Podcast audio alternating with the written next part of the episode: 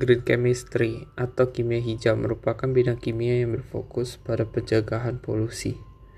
Istilah kimia digunakan dalam green chemistry dimaksudkan karena melibatkan struktur dan perubahan suatu materi.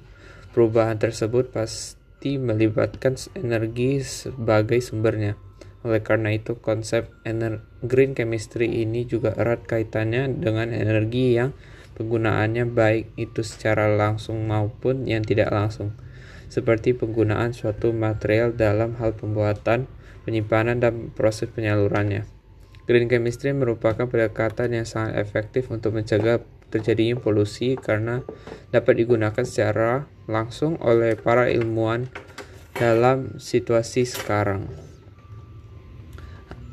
Anastas dan Warner 1998 mengusulkan konsep The 12 Principles of Green Chemistry yang digunakan sebagai acuan oleh para peneliti untuk melakukan penelitian yang ramah lingkungan.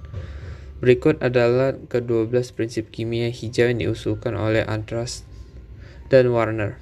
Yang pertama ada mencegah timbulnya limbah dalam proses. Yang kedua ada mendesain produk bahan kimia yang aman. Yang ketiga ada mendesain proses sintesis yang aman.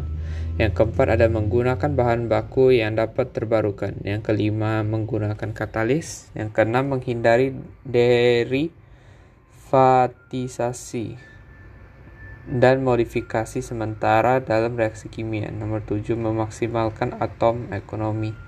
Yang ke-8 menggunakan pelarut yang aman. Yang kesembilan meningkatkan efisiensi energi dalam reaksi. Yang ke-10 mendesain bahan kimia yang mudah tergradasi.